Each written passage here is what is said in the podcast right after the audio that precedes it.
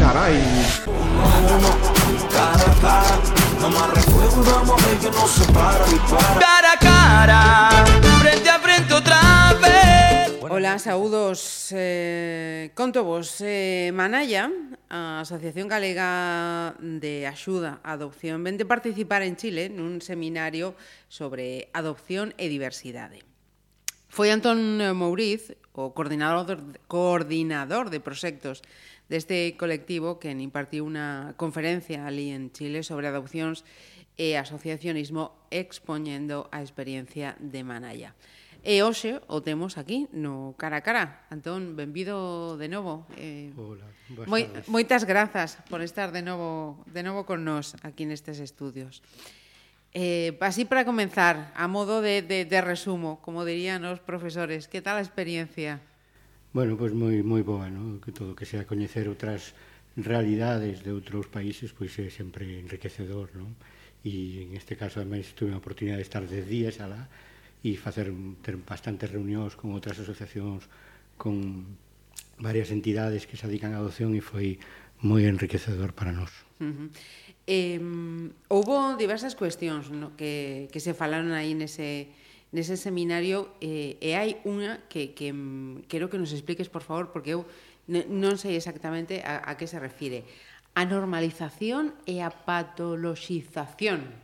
Sí, de, este é un, unha, unha liña de traballo que sigue Beatriz San Román, unha investigadora, que, bueno, así como moi resumido, é a idea de que non se patoloxice, no? de que a adopción non, non significa que esa nena ou ese neno que é adoptado vai a ter unha patoloxía, no? cousa que en algúns ámbitos pois parece que que como un é recurrente, non? Un neno adoptado ten que pois vai ter este problema, vai ter aquelo, vai ter e ela traballa un pouco nese eido, non? De que sí que individualmente pois teñen habitualmente unha serie de características concretas, pero non teñen por que ser patoloxías, non? Uh -huh. E aí un pouco ese, bueno, pois como son nenos normalmente inquedos, pois hai un sobrediagnóstico de TDAH, eh, bueno, hai esa eh, idea xeral de que veñen de un espazo que eso os limita, uh -huh. que poida non sei facer que que non que non sexan como unha nena ou un neno non adultado, no?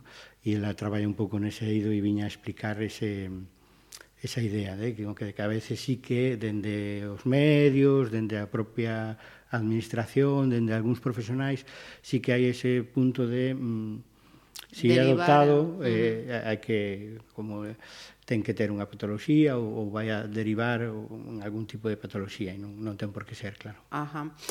Eh, repasamos algunhas eh, cuestións, se si, si te parece, de, deses, deses días deste eh, seminario. Eh, por exemplo, eh, falasteis das necesidades especiais de quienes son eh, susceptibles de adopcións. Uh -huh. En principio, mm, as necesidades de, de calquera neno, non? Dende a ignorancia, entón. Sí, non, neste caso refírese hai como unha especie de, de categoría dentro da, do eido adoptivo que eh, se denomínase necesidades especiais e que eh, quere decir nenas e nenos con algún tipo de patoloxía xa eh, determinada, eh, grupos de irmáns uh -huh. e eh, en nenas e nenos maiores, no, A partir de 8, 10 anos podense declarar como nenos de necesidades especiais. Básicamente refírese a que son nenos cuya eh, adopción é máis complicada, no, Polas súas características concretas. Entón, bueno, pois eh, se falou, no, Eh, se fixo unha, por parte de Diana Marre, unha antropóloga, uh -huh. eh, unha un análise no? de, de, de, que, de cal é esa categoría e se si realmente esa categoría é real, non é real, se si é necesaria, se si non é necesaria. Bueno, foi, a verdad, que moi, moi interesante, no? porque realmente creo que no, aquí en, en España, en Galicia, é, eh, eh, non se, non se determina exactamente cales son as necesidades especiais. Moitas veces pensamos que as necesidades especiais xa é ser adoptado, xa é ter unha necesidade especial porque é unha necesidade que non teñen todas as nenas e nenos, non? Uh -huh. Pero, bueno, eh, falase un pouco, fíxose que penso eu esta categoría para eh, ter en conta esas nenas e nenos que, que en principio parecen máis complicado que sexa adoptado. No? Uh -huh. É curioso porque os, os estudos que se realizan sobre mm, adopción son determinar que esas, esas, esas familias que adoptan a nenas e nenos con estas características son as que millor elevan o tema da adopción, os que máis contentos están polo, polo seu proceso, pola súa mm, a súa forma de facerse familia, non? Uh -huh. E algo curioso, porque parece que como é máis complicado debería de ser o contrario, non? Uh -huh. Deberían de ter pois máis deberían de estar como máis máis preocupados ou non, non? Uh -huh. E non, non é certo. Sempre decimos que seguramente é porque as súas expectativas son menores, non? Que as uh -huh. que pode ter unha familia que, que adopta unha nena ou un neno que en teoría non vai ter estas necesidades, uh -huh. non? Ajá. E, e mira, eh, o, o mundo, as sociedades eh, estamos eh, cambiando a ritmos eh, que penso non, non somos eh, conscientes. E, e tamén ese, ese eh, contexto familiar, ese espazo parental, como se chama nunhas das, eh, das máximas deste seminario, tamén han cambiado. Sí, claro, claro, vamos, todos todos temos o noso alrededor eh, familias que xa non son como antes, non? nin uh -huh. se conforman como uh -huh. antes. Non? Eh, bueno, por exemplo, se falaba, un, un dos temas dos que se falaba é que en adopción é moi difícil que chegue a casa un neno que sexa maior dos nenos que xa hai en casa, non? En caso de que os haxa. É moi complicado porque, bueno, os técnicos consideran que non é axeitado, non? Este tema de, do, do primoxénito, estes líos biolóxicos que nos temos.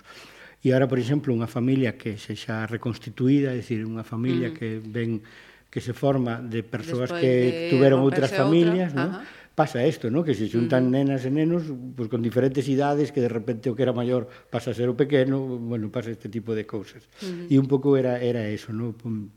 o que se falaba era pois pues, como o, si cambiou a sociedade, si as familias cambiaron, o mellor tamén temos que empezar a cambiar outros outros aspectos que que están dentro de, de da configuración familiar, ¿no? Por exemplo, en, en, en aquí en, en España xa fai tempo eh, por, que, que temos o, o matrimonio por de familias homoparentales eh, eh, que poden adoptar e tal, uh -huh. en Chile eh, o, o acaban de, de discutir ahora mesmo eh, unha das asociacións que as que falei enlace pois eh, lle, lle preguntaban no que pensades vos de, de si estas familias van a ser boas, non van a ser boas e eles con moi bo criterio dixeron a nós non nos importa como estén configuradas as familias terán que ser os técnicos os que digan se si esa familia é boa eh, para un neno no. Uh -huh. que a forme e como este eh, configurada non é un non é un problema non? Uh -huh. entón claro. moi uh -huh. moi aclarador tamén esta idea que les tiña non? como puderon uh -huh como souberon solucionar esa, esa eh, ese tema esa que está así, ¿no? sí, claro. e que socialmente parecía ali que era bastante problemático que os as, as familias de dúas mulleres, dous homes poideran adoptar e eles solucionaron de un, pues, dese xeito tan inteligente, non? decir, por que non? Uh -huh. O que importa non é que en forma familia, sino a calidade deles, uh -huh. non? Como, claro, como, a persoa. Como uh -huh. eh, nais e pais, non? Ajá. Porque eh, tamén eh, eh, eu miraba no? os, os temas, as cuestións das que falabais nese eh, seminario. E, eh, eh, pregunto tamén unha cuestión que, que vía. Eh, que ocorre cos menores que crecen en fogares e quedan relegados nos procesos de acceso a unha familia? Primeiro necesito entender, Antón. Bueno, eso basicamente fala desas de nenas e nenos que pasan pois, tempos moi longos en centros, ¿no? ou en, en casas de familias ou en familias de acollida e que por diferentes motivos nunca son propostos para ser adoptados, ¿no? porque hai algún pequeno contacto con algún familiar, entón, bueno, en, en Chile agora mesmo eso é algo que, que o están problematizando moito, ¿no?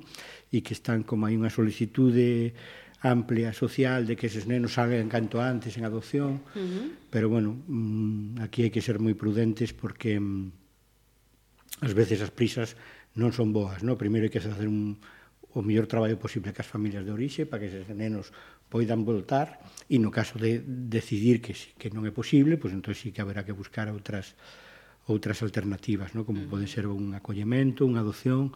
Ahora en España, por exemplo, unha cousa que tamén se debatía ali era o tema das adopcións abertas, non? Ahora pode haber adopcións en, en España dende 2015 nas que haxa contacto ca, ca familia ca familia de orixe, no? que, que non se perda, que non sexa un corte limpo, sobre todo entendendo porque pode haber figuras importantes ne, que non se poden facer cargo del ou dela, eh, neste caso, das nenas uh -huh. ou dos nenos, pero que sí que é importante para eles continuar, non? Si tes unha figura de apego importante pois na túa familia, non sei, un avó, uh -huh. ou, ou incluso unha nai que o que pase que non ten capacidades para cuidarte, pero uh -huh. que ti tes un apego, pois a idea é que, sa, que se poida sair en adopción para ofrecerlle as, as nenas e nenos ou a familia, non? ese dereito a ter familia, unha familia que os poida cuidar, pero sin necesidade de facer o corte limpo que, que supón unha adopción ou que supoñía unha adopción ata agora e que poida seguir tendo ese contacto co, uh -huh. ca familia de orixe, non? Ajá. Eh, mira, Antón, eh, supoño que, que desta experiencia, desta eh, viaxe, eh, sacas mm, impresións, conclusións, uh -huh. eh, non no sei, eh, mm, no, no, no oído asociativo, mm, Eh, como, como está a situación comparando o que ti has visto en, en Chile e a experiencia que, que tes aquí con, con Manaya? Uh -huh. Bueno, eu creo que esa é un pouco a razón pola que nos, nos chamaron, no? Eh, era un pouco contar a nosa experiencia lá, porque as asociacións son moi xóvenes, no? Eh, a asociación máis, que leva máis tempo leva dous anos. Dous claro, anos? Dous anos, nada máis. Eh, asociación de familias, no? Eh, bueno, pues nos levamos 12, hai asociacións en Cora, na coordinadora que pertencemos, que veñen de cumplir 20 anos, Cora ven de cumplir 18, entonces era como un pouco expoñerlles cal era a nosa experiencia, non? Des, ese é a gran eh, o, o, o gran cambio, que les ali están comenzando e nos aquí como xa, xa temos un, unha bagaxe, non? De todas formas, bueno, eh, a idea era ir ali a, simplemente a contar un pouco cal era a nosa experiencia e se eles poden recoller algo que lle sirva, pois mm. estupendo, non? Pero non era tampouco ir con idea de decirlles como se teñe que articular, isto, sí. tens que facer, hai que... No, é un pouco mostrar. Aportar, sumar. Claro, e, e nos pois igual que a nós nos serviu cando entramos en Cora que o coñecer a outras asociacións acelerou os nosos procesos uh -huh. de coñecemento sobre a medida, de, de actitudes hacia a adopción, uh -huh. pois un pouco era isto, no? tamén intentar, dende a nosa pequena experiencia, intentar acelerar cousas para eles para que perdan o menos tempo posible en cousas que ao mellor son doadas, no? e que para alguén que xa as fixo, pois son máis fáciles. Uh -huh. Mm, era simplemente eso, ¿no? E sobre todo tamén eh, contactar con eles, se ter rede, ¿no? Crear unha rede onde eu pois poida solicitarlles a eles eh, material que estén utilizando ou que nós poidamos tamén ofrecerlles a eles certos materiais ou certas eh, experiencias, non? Ajá. Eh, e se miramos a, a parte eh, dos profesionais, dos técnicos, eh, das administracións. Eh, podemos ter quizás eh, unha idea errónea, ¿no? pensamos en, en países de, de Latinoamérica, eh, eh, xa pensamos que, que ten que ir por detrás de, sí. de nos. E ti comentabas antes de abrir os micros que mm, a idea aí eh, suena a erro. Sí, sí, sí, sí, sí. A min foi quizá o que máis me sorprendeu de isto.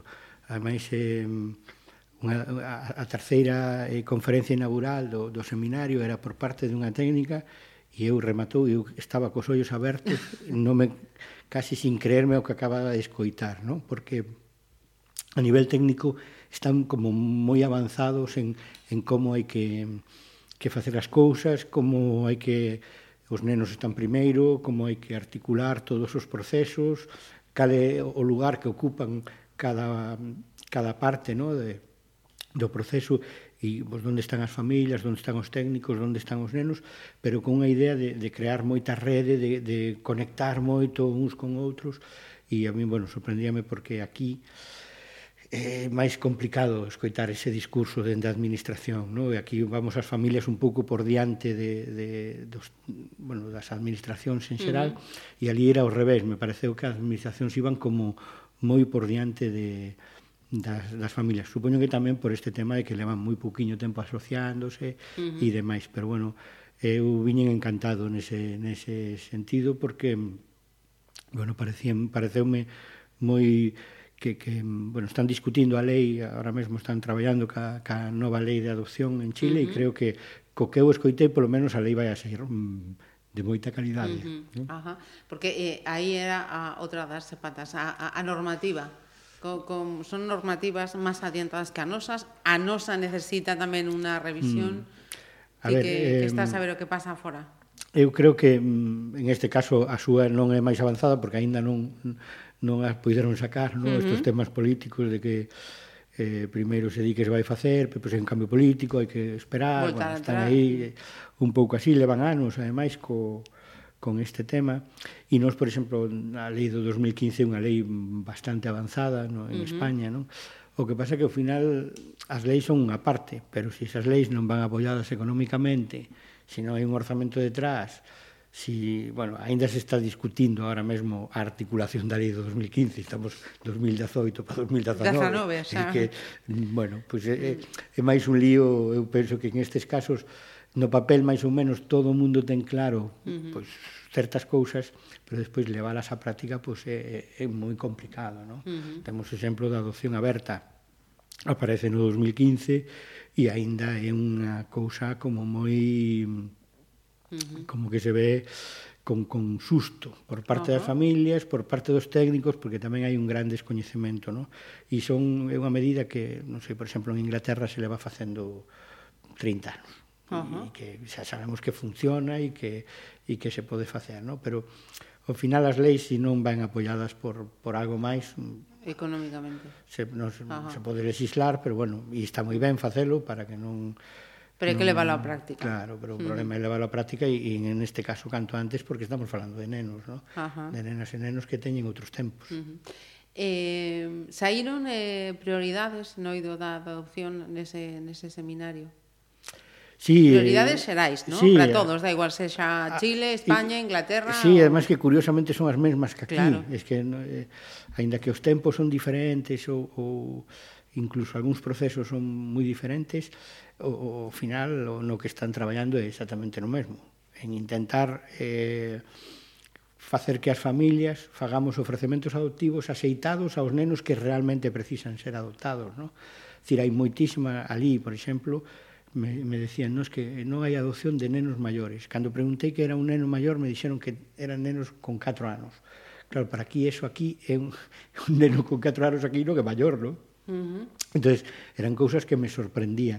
Entonces, ali están traballando moito tamén para intentar que as familias empecen a ofrecerse, empecen, se formen, se preparen para poder facer uns ofrecementos adoptivos aceitados a moitos dos nenos que teñen, non? Uh -huh. Porque, bueno, pois eses nenos, se si non saen adopción nos seus primeiros anos de vida, despois o teñen moi complicado, non? Uh -huh. entonces aí é onde sí que están traballando.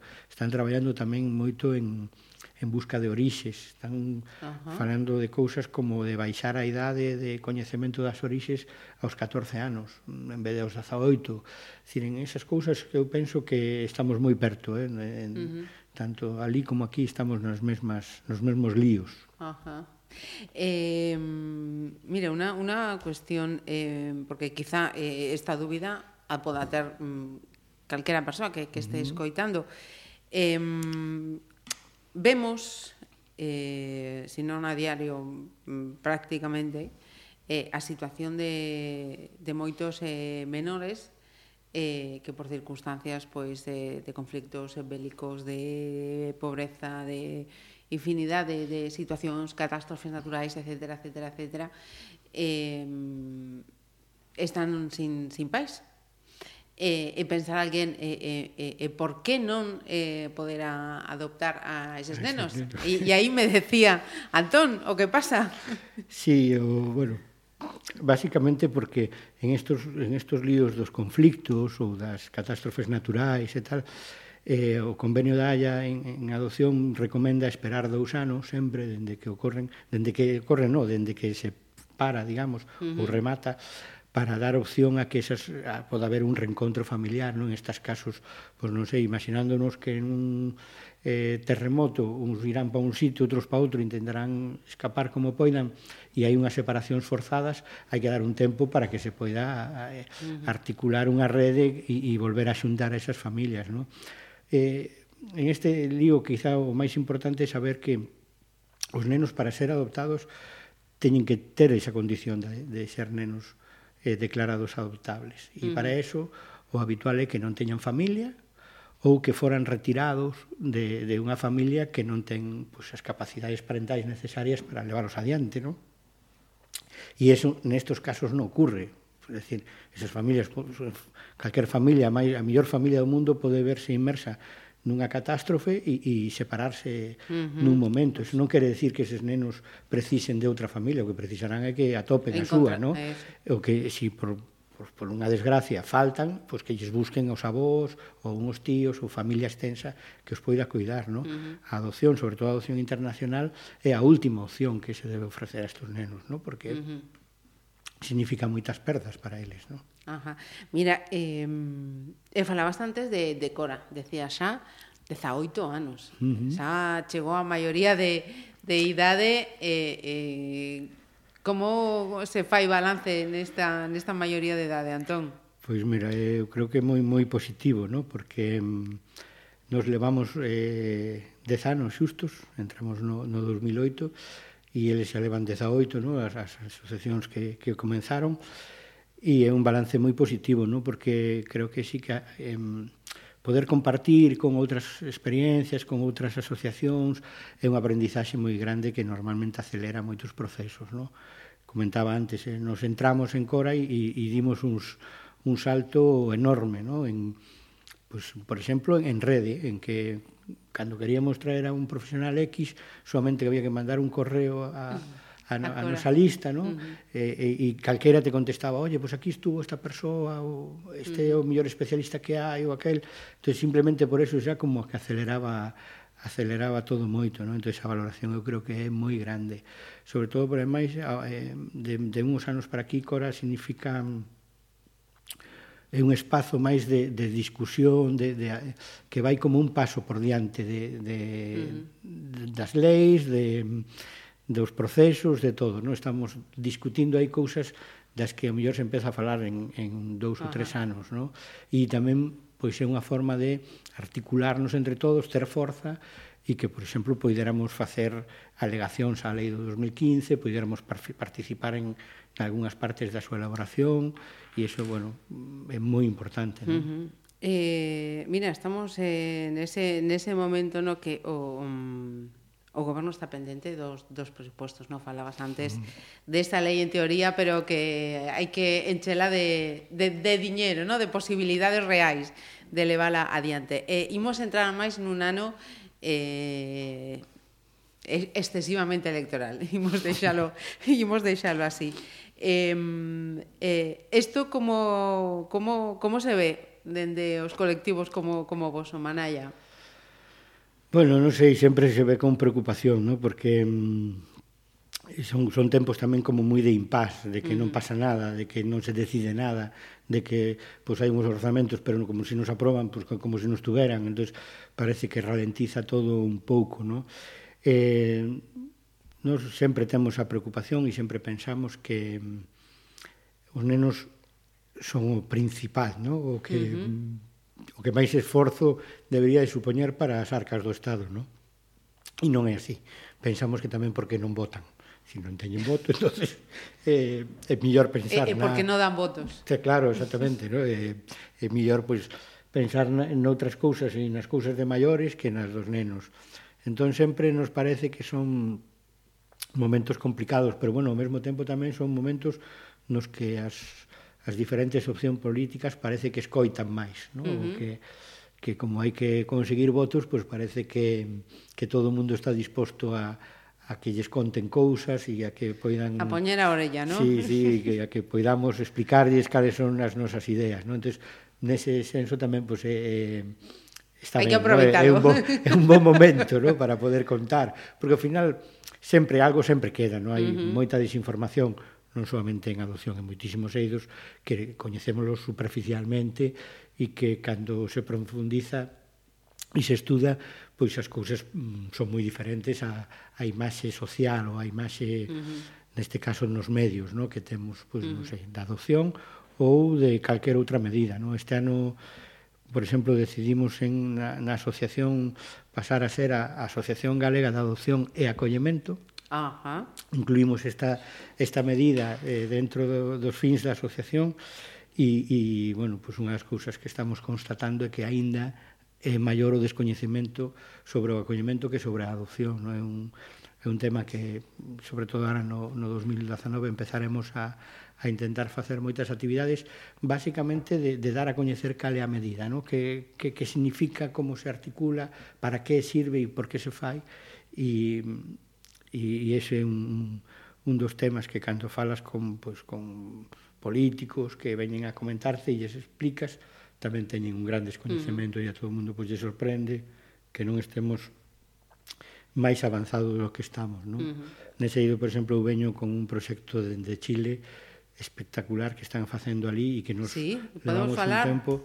Sí, bueno, eh, tuve a sorte de coñecer unha organización que entre unha entre outras cousas, bueno, fai, traballa con familias adoptivas e acolledoras ao mesmo tempo e fai o que eles chaman o enlace, Ajá. que é unha palabra que ademais se lle dixen que lle roubábamos para aquí, ¿no? porque me pareceume como moi moi, descri moi descriptiva do tema. ¿no?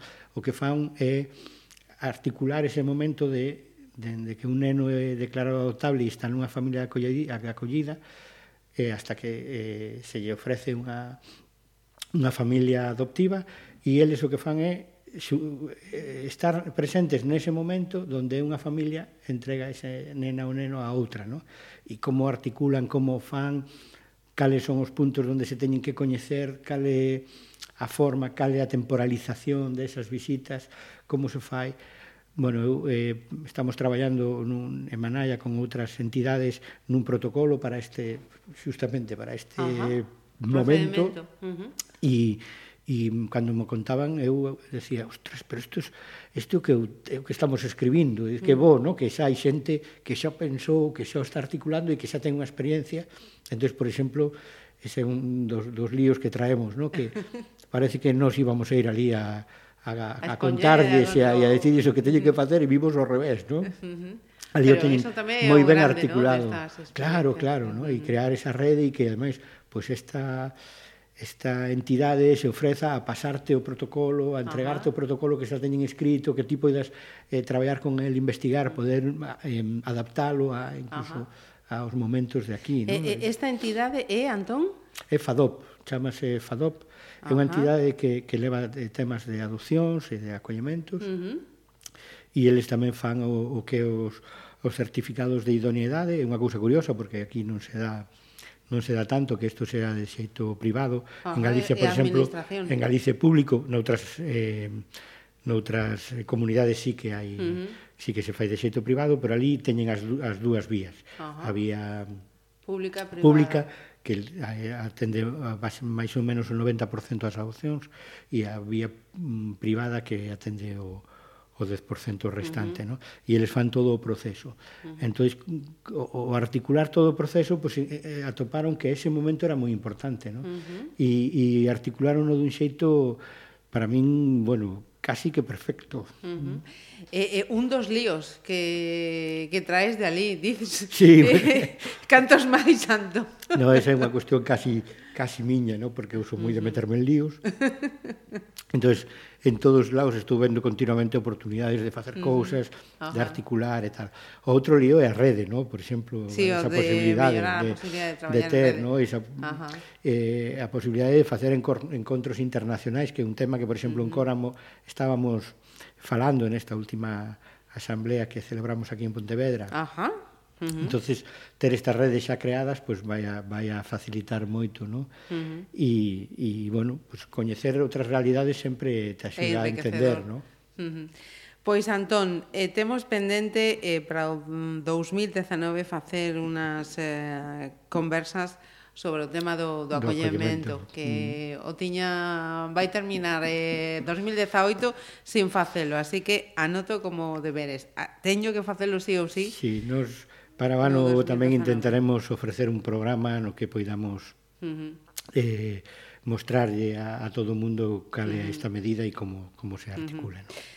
Antón eh, Mauriz, eh, que decía coordinador de proxectos de Manalla, decía comeza a Asociación Galega de Axuda á Adopción e esquecín o acollemento sí, tamén. Ahora, ahora cambiamos e ahora somos Asociación Galega de Adopción e Acollemento.